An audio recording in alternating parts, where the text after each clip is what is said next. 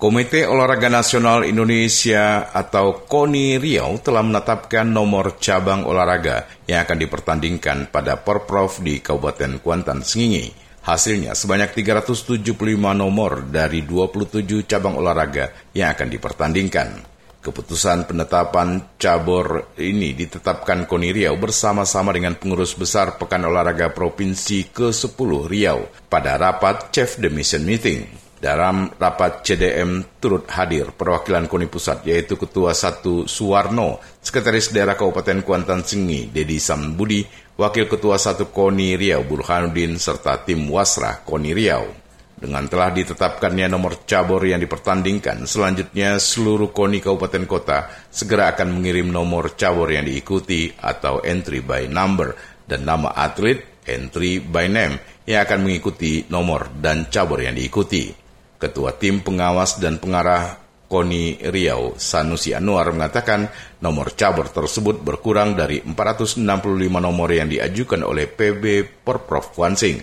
Pengurangan nomor tersebut setelah dilakukan evaluasi oleh Koni Riau, PB Porprov yang berorientasi pada Porprov sebelumnya. Dan saya selaku Ketua Tim Wasra, ini jelas-jelas PB Porprov membangkang dengan SK KONI yang menetapkan 37 eh 375 medali yang diperebutkan. Uh, dan saya tahu betul nomor-nomor yang dipertandingkan yang ingin ditambahkan itu tidak sesuai dengan yang nomor-nomor Olimpik. Maksudnya nomor-nomor yang dipertandingkan di nasional.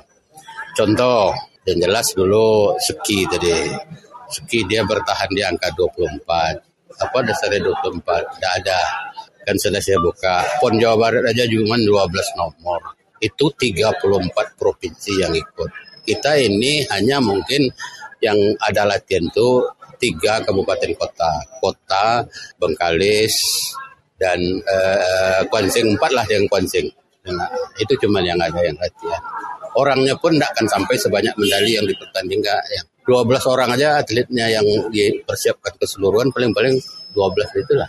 Jadi ngapain mau Kemudian di Didayu. Sementara itu Wakil Ketua Satu Koni Pusat Suwarno menjelaskan bahwa untuk penetapan nomor cabur dan cabur menjadi haknya Koni Riau dan telah ditetapkan pada CDM yang dilaksanakan pada umumnya adalah menyampaikan konsep yang akan dilakukan pada saat penyelenggaraan Porprov. Disinggung mengenai cabur Porprov yang tidak ada venue-nya di Kabupaten Kuansing, cabur renang dan panjat tebing. Suwarno menyarankan pelaksanaannya boleh dilaksanakan di luar Kuansing karena sesuai dengan peraturan pemerintah tahun 2020 memperbolehkan dilaksanakannya di daerah lain di Provinsi Riau.